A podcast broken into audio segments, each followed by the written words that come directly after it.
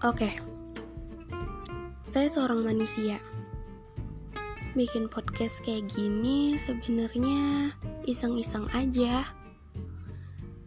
Cuma pengen berceleteh ria.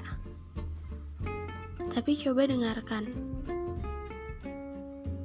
Siapa tahu suka atau kita mengalami hal yang sama. Atau mungkin suara saya adalah suara Anda juga.